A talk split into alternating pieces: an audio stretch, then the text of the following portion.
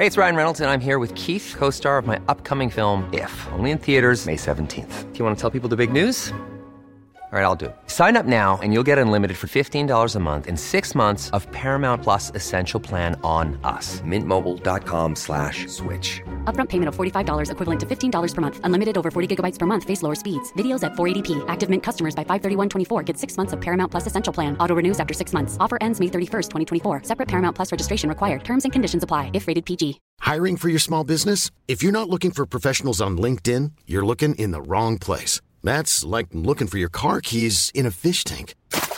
LinkedIn helps you hire professionals you can't find anywhere else, even those who aren't actively searching for a new job but might be open to the perfect role. In a given month, over 70% of LinkedIn users don't even visit other leading job sites. So start looking in the right place. With LinkedIn, you can hire professionals like a professional. Post your free job on linkedin.com slash people today. Millions of people have lost weight with personalized plans from Noom, like Evan, who can't stand salads and still lost 50 pounds. Salads, generally, for most people, are the easy button, right? For me, that wasn't an option. I never really was a salad guy. That's just not who I am. But Noom worked for me. Get your personalized plan today at Noom.com. Real Noom user compensated to provide their story. In four weeks, the typical Noom user can expect to lose one to two pounds per week. Individual results may vary. Du presenteras nu för obekräftad information. I avsnittet får du höra om konspirationsteorier och varför vissa människor tror på dessa. Var därför kritisk till materialet som bygger på fiktion, åsikter och vinklad fakta. Podcasten kan inte ses som en trovärdig källa. En sen sommarkväll i augusti 1977 fångas en mystisk signal upp av Ohio State universitetets radioteleskop Big Ear. Än idag är signalen en av rymdens största gåtor och vår bästa kandidat för utomjordiskt liv. Vem eller vad sände ut signalen?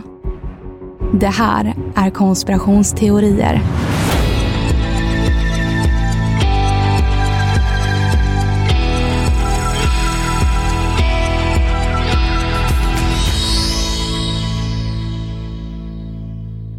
Ja, hej allihopa, konspirationsteorier här och det här ämnet, wow-signalen, är faktiskt något vi har blivit tipsade om av en lyssnare på Instagram. Så fort jag såg just namnet wow-signalen så blev jag superintresserad för att det är någonting extremt tilltalande med det namnet. Just wow och ett utropstecken också. Så man tänker ju direkt på rymden. Ja, och det som är ännu mer intressant är ju faktiskt att det här skedde under den tiden folk var som mest rymdintresserade.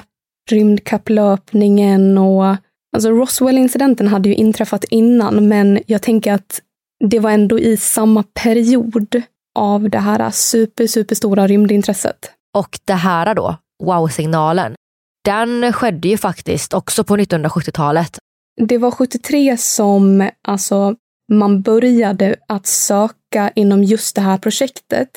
Men sen så gick det några år och sen hittade man signalen. Så det började helt enkelt med att det var ett universitet som erbjöd att man kunde använda deras radioteleskop Big Ear för att just lyssna efter radiosignaler från rymden som kunde visa tecken på utomjordiskt liv. Sen så var det några som ställde upp som volontärer men det gick ju en massa år och de var inte jättemånga heller så att de väntade och väntade och till slut då 1977 så inkom, eller man snappade upp den här signalen och det var den 15 augusti. Signalen varade i lite över en minut, 72 sekunder. Och sen så bara bröts den. Det var inte så att den tonade ut eller något utan den bara försvann. Om jag får gissa så har vi såklart inte hört signalen sedan dess, eller? Nej, den är borta. Det är alltid mm, så. Mm. Alltså om det finns någon utomjording som har gjort det här så känns det så retfullt att, jag vet inte, så tydligt att så här, den är borta. Det är som eh, en film eller någonting, att man vill bara visa och sen nej. Det är så himla typiskt att det kom under en period då tekniken inte var så himla utvecklad. Inte när man jämför med idag till exempel. Vi har ju AI redan nu som som gör konst och ja, det är superläskigt. Jag har till och med sett, alltså det är ett Instagramkonto där AI har skapat en tjej som på riktigt ser ut att finnas på riktigt. Det är bilder som ser ut att vara riktiga fotografier. Det är superläskigt för hon ser så himla äkta ut. Och det är bara för att ge perspektiv på hur mycket teknologin har utvecklats. Jag tänkte faktiskt att vi ska kika på ett avsnitt om att AI kommer ta över världen och eh, förgöra mänskligheten. Eller någonting i stil med det. För jag tror att det finns mycket, mycket teorier om just AI. Ja. Men tillbaka till wow-signalen då. Så den kom och den var bara i ungefär en minut sa du? Mm, precis. Och när det hände sen och den plötsligt bara försvann, vad gjorde man då? då? Det dröjde några dagar från det att signalen kom in till att den kontrollerades. Så de här forskarna hade ju då fixat så att datorerna, de skötte allt. Alltså de var programmerade att sköta allt det här då och datautskrifterna så behövde de kolla manuellt. Det vill säga de behövde sitta där för hand och läsa igenom alla datautskrifter från liksom flera dagar tillbaka. Och då var det en jourhavande astronom, Jerry Eman, som satt hemma med det här vardagliga rutinarbetet och eh, såg den här datautskriften. Och han blev ju så förvånad av det här. Alltså han ringade ju in den här äh, och den här sexsiffriga kombinationen och skrev dit wow med en röd tuschpenna. Så sen dess så har den här hetat då wow-signalen. Okej, okay, och eh, jag fattar typ att det är wow för att oj, nu händer något riktigt revolutionerande här. Vi kanske har blivit kontaktade av en utomjordisk civilisation mm, eller mm. någonting. Så jag fattar att det är wow så. Men du pratar om en sexsiffrig kombination. Ja, precis. Jag fattar att man inte fattar. Eh, det är ju, alltså den här datautskriften, den är väl det speciella i det här då. Det är vid första anblick kan man säga, då är det här en röra. Men om man tittar på det han ringat in då, 6EQUJ5, så läser man det uppifrån och ner. Och det här är ingen kod. Det är inget hemligt meddelande från utomjordingar. Alltså det kan vara, signalen kan ju vara ett hemligt meddelande. Men just den här sexsiffriga kombinationen är inte det. Utan det är en måttstock som man använde. Ett intensitetsmått skulle man kunna säga. Okej, okay. du behöver typ förklara det lite mer med det här intensitetsmåttet. För det är ju bokstäver och det är ju siffror. Vad innebär allt det? Det här använder man i projektet SETI och det står för Search for Extraterrestrial Intelligence eller sökandet efter utomjordisk intelligens på svenska. Så det var ju de som hade det här projektet med Big Ear och deras liksom uppdrag det var att skanna rymden efter signaler och teknologi och försöka snappa upp de här signalerna som då kanske kan visa tecken på en avancerad främmande civilisation i rymden och att de har sänt den här signalen. Om radiosignalerna i rymden motsvarade det här normala bruset så blev det siffran 1.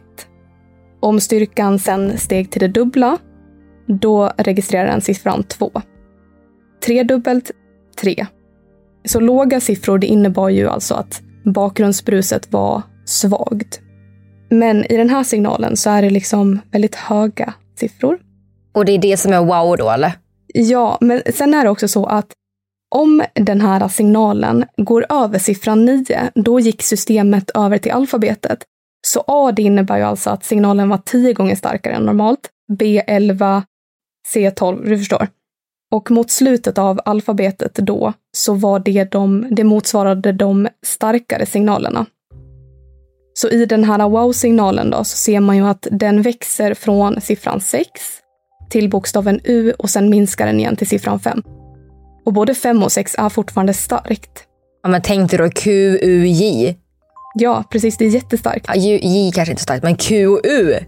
Mm. är ju starkt. Ja, men J är också starkt ju om man tänker att det var typ ovanligt att det nådde bokstavsstyrkor. Det var typ vanligt med så här, ja, 1 till 5. Kanske i något ovanligt fall att det blev 6 till 7. Så det här är ju jätte, jättestarkt.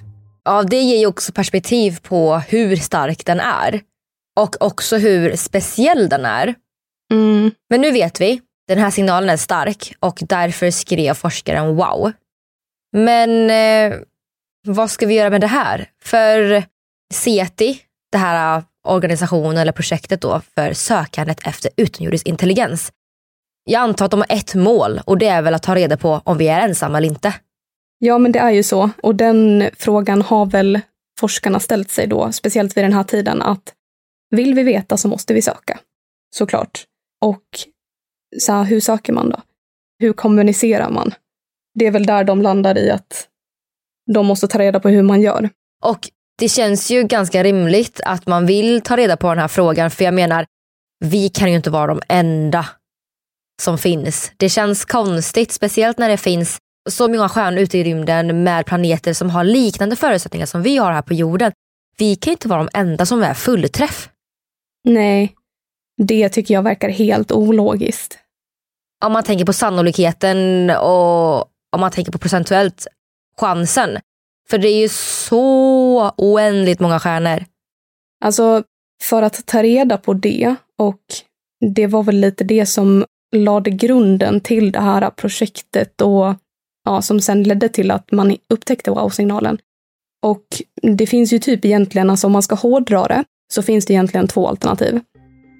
Alternativ ett är att vi åker ut i rymden och besöker de här utomjordingarna.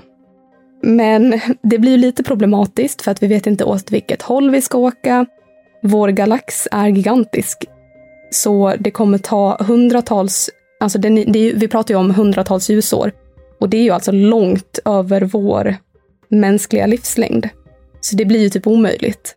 Om man inte gör som på film, att man tar barn och lägger dem i ett stort rymdskepp och sen så får de bara föröka sig. Och liksom syftet med hela den civilisationen blir ju att komma fram till den här civilisationen.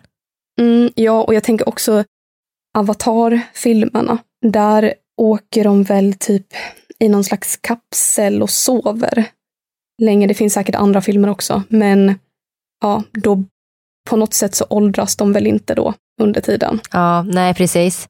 Och om vi inte tänker oss en sci-fi värld då, så är ju det andra alternativet att eh, man försöker kommunicera med signaler.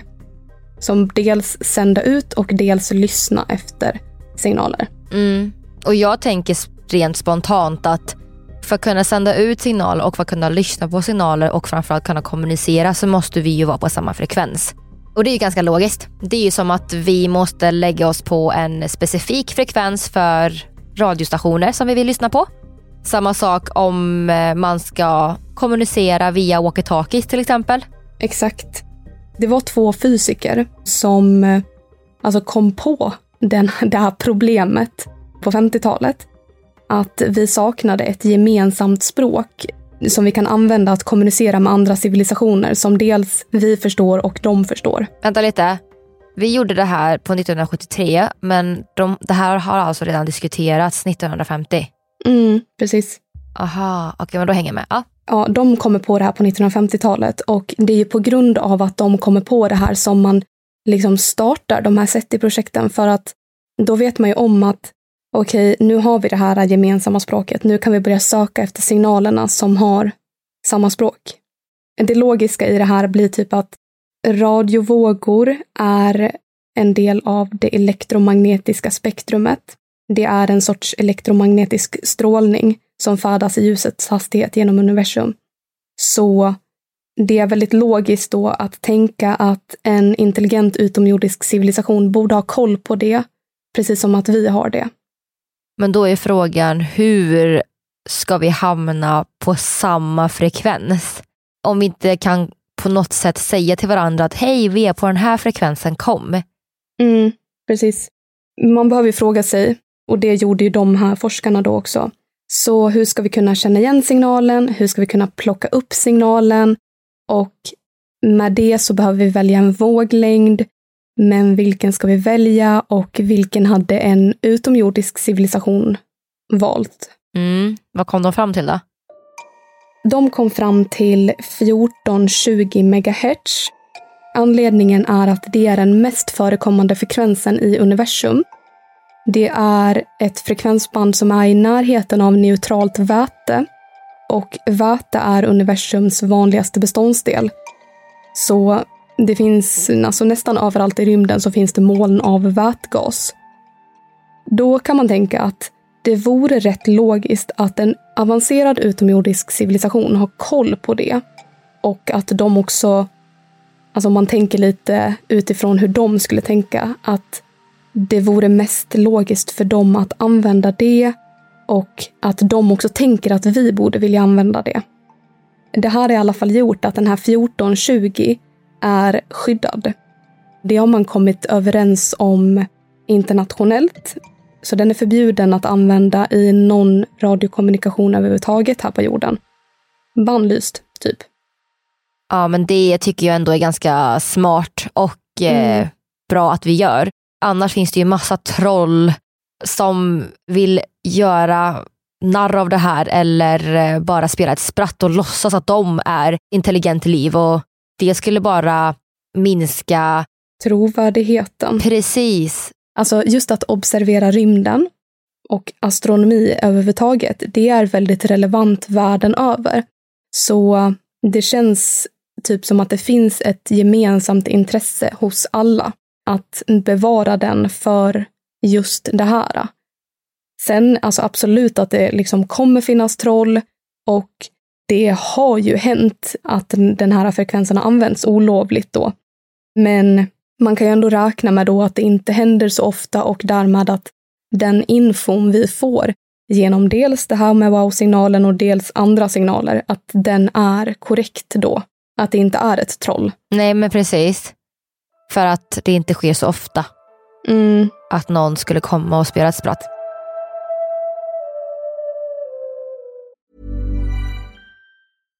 If you're looking for plump lips that last, you need to know about Juvederm lip fillers. With Juvederm Volbella XC and Juvederm Ultra XC, your lip look, whether it's subtle or bold, can last up to one full year with optimal treatment and no additional maintenance. Find a licensed specialist and see if it's right for you at juvederm.com today. That's J U V E D E R M.com. Add fullness to lips in adults over 21 with Juvederm Volbella XC or Juvederm Ultra XC. Do not use if you have severe allergies or a history of severe allergic reactions, or if you're allergic to lidocaine or the proteins used in Juvederm. Tell your doctor if you have a history of scarring or taking medicines that decrease the body's immune response or that can prolong bleeding. Common side effects include injection site redness, swelling, pain, tenderness, firmness, lumps, bumps, bruising, discoloration, or itching. As with all fillers, there's a rare risk of unintentional injection into a blood vessel, which can cause vision abnormalities, blindness, stroke, temporary scabs, or scarring. For full important safety information, visit juvederm.com. Many of us have those stubborn pounds that seem impossible to lose, no matter how good we eat or how hard we work out. My solution is PlushCare. PlushCare is a leading telehealth provider with doctors who are there for you day and night to partner with you in your weight loss journey. They can prescribe FDA-approved weight loss medications like Wagovi and Zepbound for those who qualify. Plus, they accept most insurance plans. To get started, visit plushcare.com slash weight loss. That's plushcare.com slash weight loss. Hey, it's Ryan Reynolds, and I'm here with Keith, co star of my upcoming film, If, only in theaters, May 17th. Do you want to tell people the big news? All right, I'll do it. Sign up now and you'll get unlimited for $15 a month in six months of Paramount Plus Essential Plan on us. Mintmobile.com slash switch. Upfront payment of $45 equivalent to $15 per month. Unlimited over 40 gigabytes per month. Face lower speeds. Videos at 480p. Active Mint customers by 531.24 get six months of Paramount Plus Essential Plan. Auto renews after six months. Offer ends May 31st, 2024. Separate Paramount Plus registration required. Terms and conditions apply if rated PG.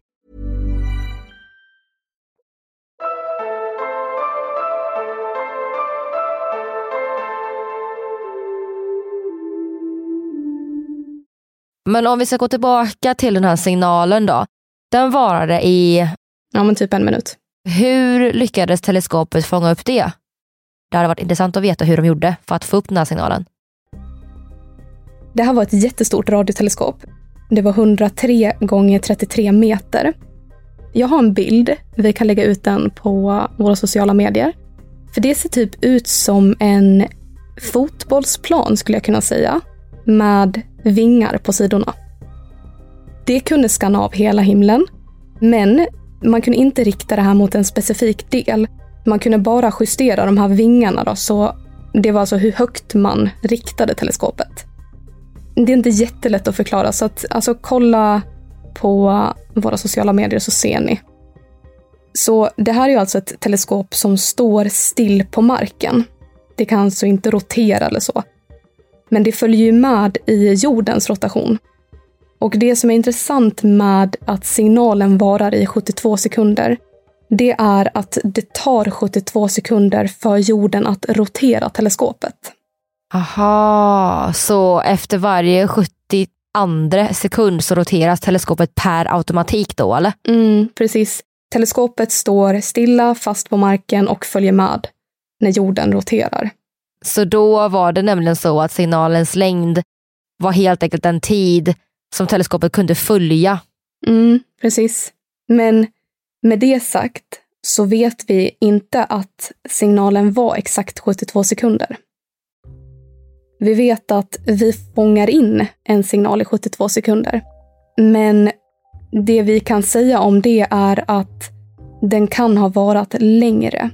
För om det kommer in en typ laserstråle, eller vad man ska kunna förklara, direkt mot teleskopet och sen roterar jorden teleskopet lite åt sidan. Då kan vi inte se om den är kvar där längre för att teleskopet har snurrat iväg från den. Det de vet om är att signalen inte var längre än 24 timmar för den var inte där dagen innan och den var inte där dagen efter. Men det som är lite underligt med det här är att teleskopet hade två antenner, de här vingarna som jag pratade om. Och det är bara en av dem som plockar upp signalen. Den andra antennen riktades mot samma område bara några minuter senare. Och då var inte signalen där. Vi kan ju tänka då att signalen kanske är lite längre än 72 sekunder, men den är inte längre än 3-4 minuter om man lägger ihop det. Aha. De har ju försökt liksom hitta den här signalen igen med nya teleskop. Men det har de ju inte lyckats med. Det vi vet i alla fall från teleskopet, rotationen, de här 72 sekunderna, det är att i och med att teleskopet stod i en fast position på marken och roterade med jorden och det tar 72 sekunder och wow-signalen varar i 72 sekunder så innebär det att signalen kommer från en fast punkt ute i rymden och teleskopet bara svepte förbi den. Med det så kan man alltså bestämma en ungefärlig riktning. Och det upptäckte de då att signalen kom från området kring stjärnbilden Skytten. Och lite så här närmare bestämt så är det nordväst om stjärnhopen M55 och grovt sett 2,5 grad syd om den trestjärniga systemet som heter Chi Sagittari. Men då har de ju ändå lyckats ta fram en ungefär koordinat nästan. Mm, ja, men typ. Den eh, närmast synliga stjärnan i stjärnbilden är Tau Sagittari. Så det skulle kunna vara liksom en eh, hypotes i det här. Men vad vi vet så ska det inte komma någon signal därifrån. Och det går dessvärre inte, lite så här med teknologin nu också då, att eh, säga någonting om avståndet som signalen härstammade från. Så det kan ju alltså varit riktigt, riktigt långt. Men kanske inte för långt heller. För då måste den här utomjordiska civilisationen vara mega kraftfull. För tänk, ju längre bort de är, desto mer kraft behöver de för att skapa då en signal som når ända fram till oss.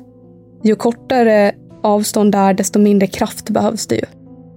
Okej, okay, och då kommer vi till frågan helt enkelt. Vem sänder den här signalen och framförallt vad sänder de? Tänk om det är ett meddelande som varnar oss för någonting. Vad vet jag? Mm, precis. Men det vet vi såklart inte, eller hur? Nej, Nej. Ähm, tyvärr. Alltså, de har ju funderat jättemycket på det här. Framförallt han Jerry Eman som upptäckte signalen. Men också massa, massa andra forskare runt om i världen. Och i alla år, typ sedan det här inträffade, så har de försökt veta vem, vad, varför, hur. Ja. Men de har inte hittat någon känd eh, naturlig källa för det här då. Så det råder fortfarande förvåning. Och det har ju nu gått 46 år. Men det är fortfarande olöst. Ja, tråkigt. Ja, så det är en gåta. Men den här signalen är känd för att vara den bästa kandidaten för utomjordiskt liv. Och det tycker jag ändå är väldigt spännande.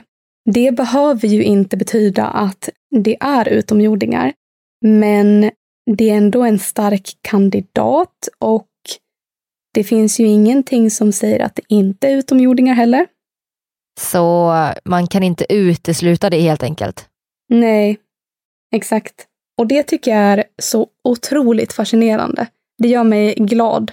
Gör det verkligen det då? För att man vet ju inte, tänk om utomjordiskt liv eller tänk om den andra civilisationen är superfarlig. Det vet vi ju inte. Ja, nej, det gör inte mig glad. Alltså, vi vet ju inte.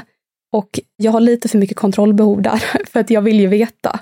Men det som gör mig glad är väl att forskarna ändå öppnar upp för möjligheten att det är utomjordiskt liv. För att det jag tycker som är genomgående i typ alla våra poddavsnitt är att alla som kommer med en annan hypotes som inte är liksom, ja, någon sån här vedertagen vetenskaplig eh, förklaring, det förkastas. Det förkastas som pseudovetenskap.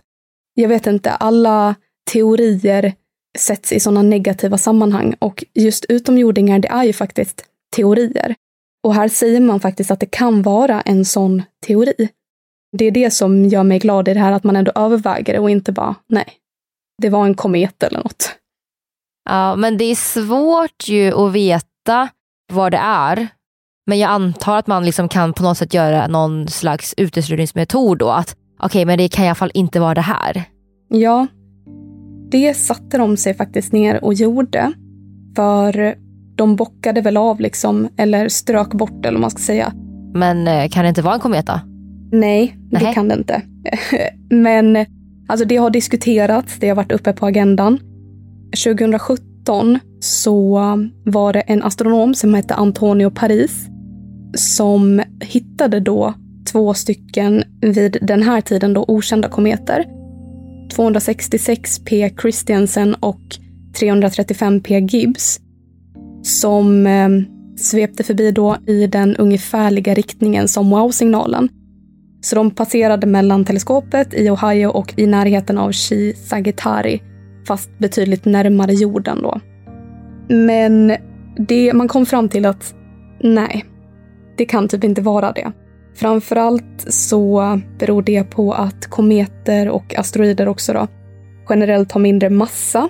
Så de har en lägre signalstyrka än vad just wow-signalen hade då. Så det är väl det då. Och om det skulle varit radiostrålning från omgivande vätgas så skulle mätningen bli ganska diffus, den skulle öka och avta och det är inte det vi kan se då från datautskriften med wow-signalen. Okej, så det stämde liksom inte överens riktigt? Nej, och sen är det ju också det här, det flyger förbi kometer hela tiden. Då borde det ha kommit massa wow-signaler. Den här kometteorin förklarar inte heller varför signalen bara plockades upp av en antenn när det fanns två stycken. Och de här, just de här kometerna som han sa då, Antonio Paris, de låg inte exakt i wow-signalens bana heller. Aha. Jag antar att det finns fler teorier kring vad det inte kan vara då? Jo men exakt. Alltså, för det första så konstaterade de väl att det kunde inte vara något från jorden. Den här frekvensen 1420 är, som jag sa innan, den är förbjuden för radiokommunikation. Så med det så kan man sålla bort radiosändare på marken, man kan ta bort flygplan och satelliter. Och som vi pratade om också förut att så här, någon kotte kan eh, trolla lite och använda den här eh, frekvensen olovligt så är det ett osannolikt scenario. Och då hade ju den stått stilla, den sändaren på marken. Men det går inte ihop för den här signalen försvann. Den kom och försvann på ungefär en minut. Sen det här med flygplan, de rör sig snabbare i förhållande till stjärnorna i bakgrunden än just vad Big Air registrerade. Och de flygtrafik använde inte heller den frekvensen. Samma sak med satelliter. Det fanns inte någon satellit i närheten av det området där wow-signalen kom från. Och ja, om det skulle vara en satellit av någon anledning som använde den frekvensen så hade Big Air kunnat se att det var vanlig fortlöpande radiotrafik. Okej, okay, men eh, jag som är en liten filmnörd, för jag håller just nu på att kolla på en eh, ja, spion slash agentfilm. Skulle inte det kunna vara typ något sånt då? Typ en hemlig spionsatellit eller något? Alltså, absolut. Det är en bra teori skulle jag säga. Det som är lite märkligt i så fall är väl att de här spionerna då, då att de använder en bannad frekvens som hela världen har koll på. Alltså 1420 är ju just den här äh, rymdobservatoriefrekvensen. Det är i och för sig sant. Hade man varit spion och velat hålla någonting hemligt så hade man ju inte valt en frekvens där folk känner till, utan då hade man ju hittat en annan frekvens. Mm, jag tänker typ det. Men eh, det de har sett är att det inte befann sig någon raket eller planet inom den här banan som wow-signalen hade. Och sen himlakroppar ger generellt inte från sig vågor i den frekvensen. Men sen så finns det också rymdskrot i rymden. Ja, kan det vara det? Det har de också kollat på. Och då om man tänker sig då att det är en jordisk signal som reflekteras från rymdskrot så blir det lite problematiskt med det då. Wow-signalen kom från en fixerad punkt i rymden, vilket gör att rymdskrotet som reflekterar signalen måste färdas dels i samma hastighet för att vi ska få den här uppfattningen som vi fick av signalen.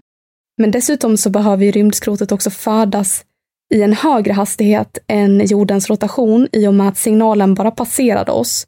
För annars hade ju Big Air fortsatt att höra signalen. Så alltså det skulle kunna vara tänkbart att en radiosignal från jorden reflekteras. Men det är typ inte en rimlig förklaring. Alltså chansen för det är minimal.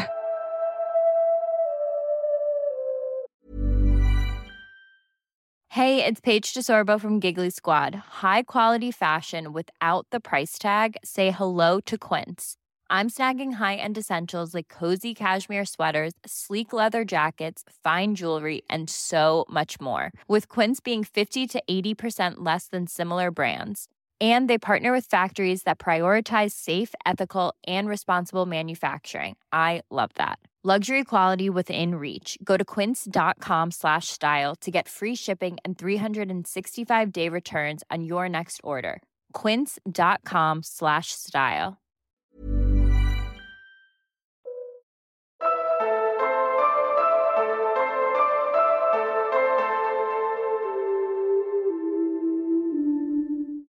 Alltså det man kan fundera på är väl om det var något fel på teleskopet. Det är väl inte den roligaste förklaringen att ta upp i den här podden, men det här är ju länge sedan ju. Teknologin var inte lika bra. Men å andra sidan, det jag tänker är att det här teleskopet användes i många, många år. Jag tror att det är 22 år som det var aktivt. Om det inte har hänt innan, varför skulle det hända då? För jag vet att det, det, de hade en, vet inte om det var någon så leverans eller någonting som hade blivit fel, som hade med teleskopet att göra. Och att den råkade registrera en siffra fel eller någonting vid ett tillfälle. Och jag, min uppfattning var inte att det handlade om alltså att plocka upp signaler. Så om det inte har varit något problem för teleskopet under de här 22 åren, varför skulle det varit ett fel då? Ja, plötsligt när wow-signalen upptäcks. Ja, exakt teleskopet funkade ju så att det registrerade ju in signaler hela tiden.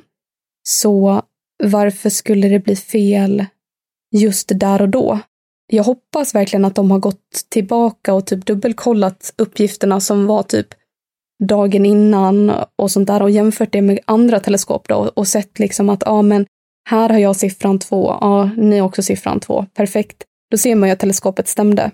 Man kan ju hoppas, men tyvärr, om jag får vara den som är den, så känns det faktiskt som en standardgrej i just det här att man alltid måste räkna med att det kan vara ett fel. Och jag kan också tänka mig att för en forskare som undersöker utomjordiskt liv, att liksom man tänker att ah, men det är nog kanske något fel på utrustningen, att det är en mer trolig anledning än att det faktiskt är ett bevis för utomjordingar. Mm. Ja, men det håller jag med om. Men det är också som du säger, om det var ett tekniskt fel, varför skulle det hända just då? Ja, som du säger, alltså det känns som någonting man bara räknar med för att man kan inte säga att det finns utomjordingar så då måste vi säga typ att för i och med att de har ju sållat bort alla andra grejer ju, alla logiska grejer. Så då är det liksom fel på teleskopet och utomjordingar kvar. Ja, men det är klart att fel på teleskopet blir den stora då. Men det är ju ett skeptiskt spår. Ja, det är ju ett skeptiskt spår och det är ju lite tråkigt. Men det finns en annan grej som det skulle kunna vara, som är lite mer intressant i alla fall. Det är ett rätt så sällsynt fenomen som kallas för FRB. Det står för Fast Radio Burst och betyder radioblixtrar från rymden. Det här är korta men väldigt kraftiga pulser av radiovågor. Och de varar inte mer än bara några millisekunder.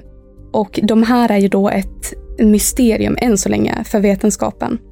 Så man vet inte hur de uppkommer, men att det finns liksom tecken på att de kommer från avlägsna galaxer som ligger miljarder ljusår från oss. Och att de här utbrotten har varit väldigt intensiva. Aha. Så det är ju en potentiell grej då att Big Ear fångade upp det. Okej, men det betyder fortfarande inte att det är utomjordiskt liv utan att det kan vara något annat liksom. Ja, precis.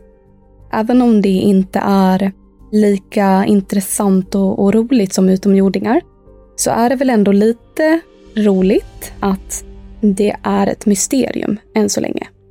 Den här wow-signalen får ju verkligen en att tänka att det här är utomjordingar. Det var det första jag tänkte på när vi började prata om det. Men eh, enligt vetenskapen så kan vi ju inte säga att det är det. Nej. Vad vi vet så hade ju signalen inget meddelande heller. Det var inte så att det kom liksom en bandad inspelning. Hej, vi är den här civilisationen. Vi kommer från det här stället. Och jag vi kommer tänk- att Ja. hemsöka er och förstöra er.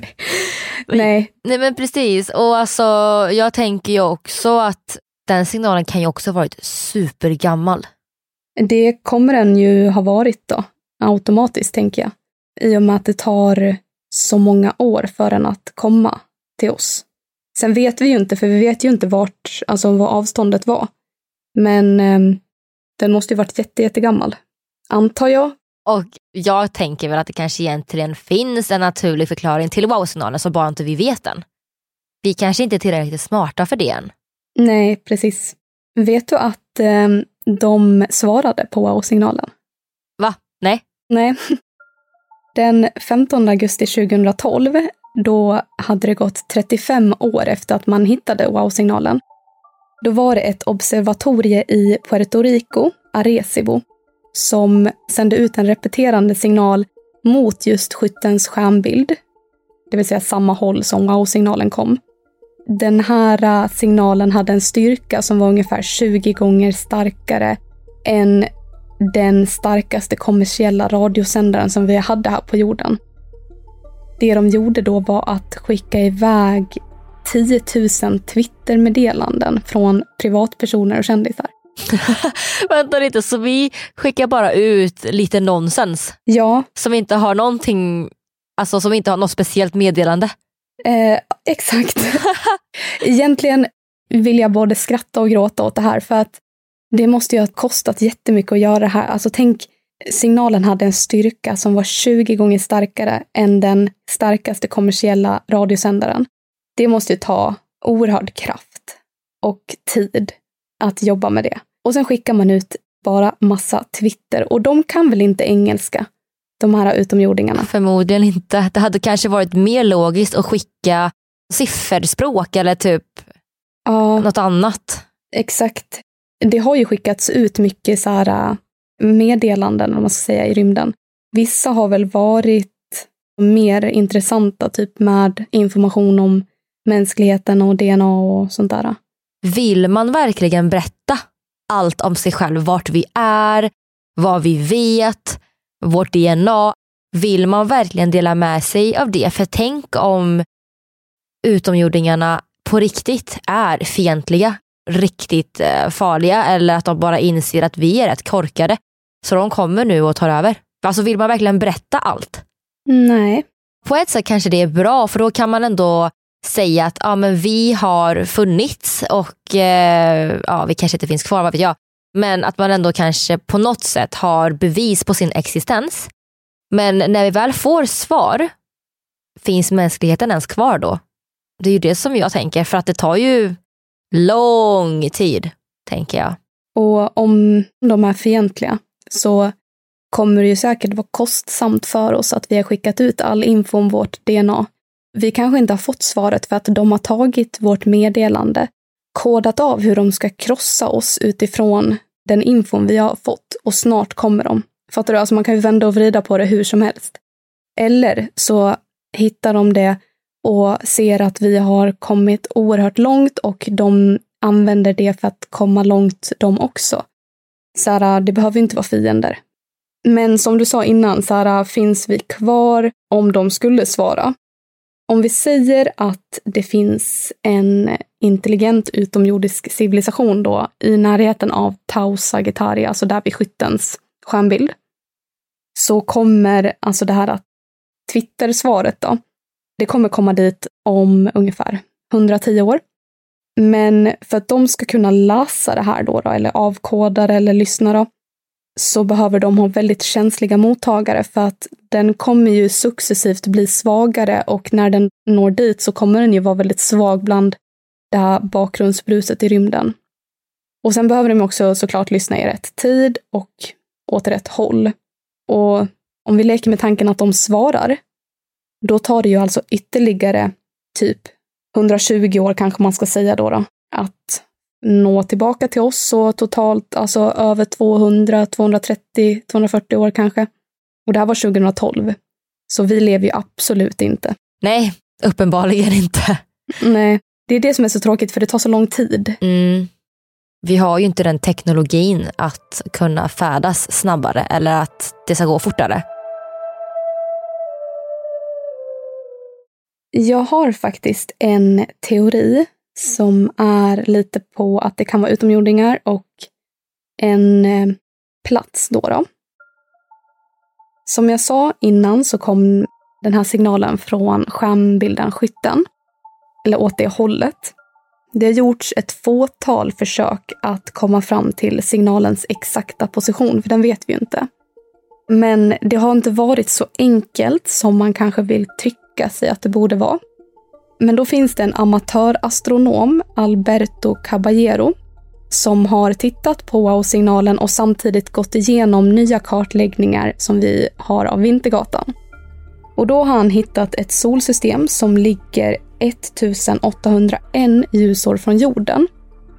Den här stjärnan finns i stjärnbilden Skytten och den är så pass lik vår sol att den kallas för solens tvilling.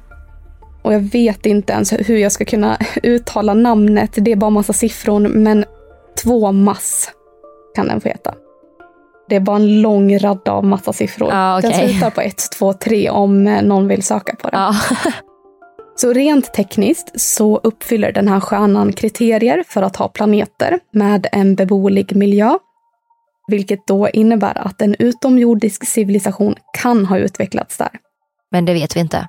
Nej, men i så fall kanske det är de som har sänt wow-signalen ju. Oh. Sen betyder det inte att det behöver vara wow-signalens källa, men det är ju en teori och det är väl en bra teori på utomjordingsspåret, tänker jag. Sen finns det runt 14 stjärnor i samma region som det kan röra sig om. Men vad jag har förstått så, alltså det finns inte så mycket information än. Det här hände väl relativt nyligen tror jag. Så vi får väl bara vänta och se. Det kanske inte ens är den här två mass utan det kanske blir en annan. Men där har vi i alla fall typ 14, 15 kanske blir till och med då. Stjärnor som det kan vara. Alltså om vi skulle säga och leka med tanken att det är utomjordiskt liv, att det är en annan planet som försöker kontakta oss. varför bara kontakta oss en gång? Varför inte skicka flera meddelanden, typ var tionde år eller oftare, tänker jag. För att än så länge har det bara skett en gång och som du sa, det är 46 år sedan. Varför har inte man försökt någon gång mer? Jag håller helt med. Varför inte bara fortsätta anstränga sig? Vad vill de med just det meddelandet?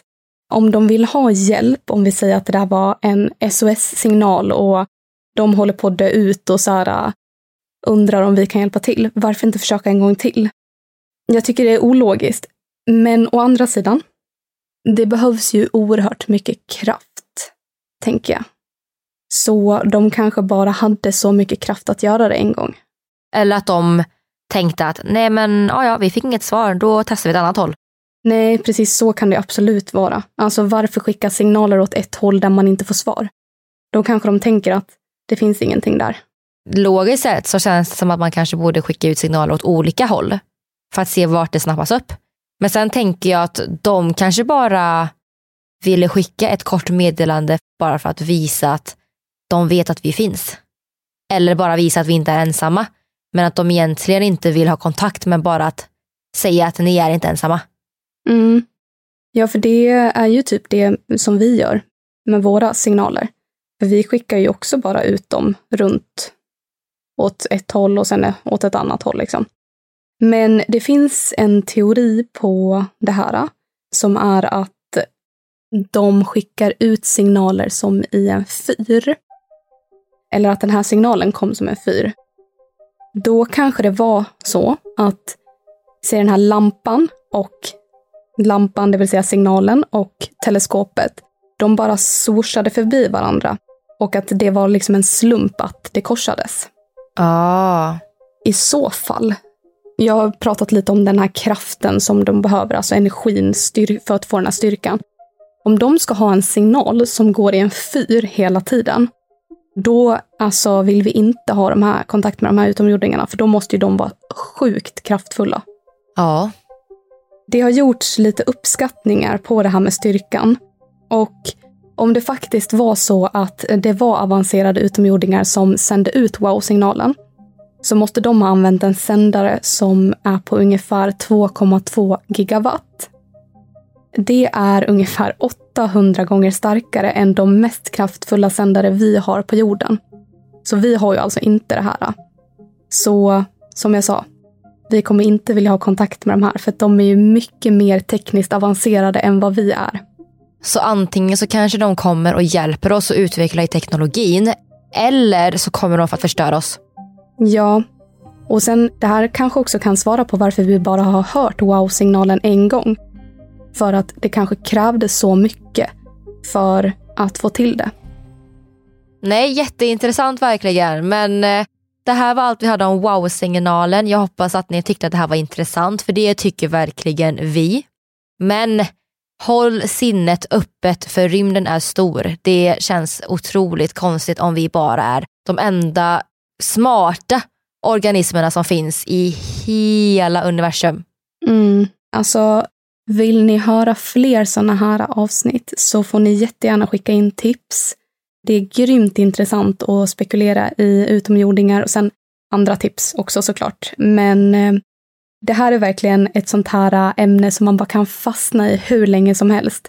Verkligen. Och tusen tack för tipset som vi fick via Instagram. Det är bara att fortsätta skicka. Mm. Men ja, det här var allt vi hade för det här avsnittet och vi hörs i nästa. Det gör vi. Ha det gött, hej! Hej då!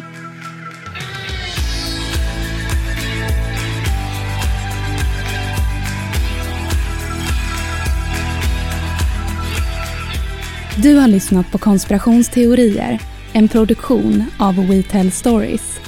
Programmet gjordes hösten 2023 vi som har gjort programmet heter Vivian Lee och Aida Engvall. Källorna till dagens avsnitt hittar du via våra sociala medier, konspirationsteorier på Facebook och Instagram.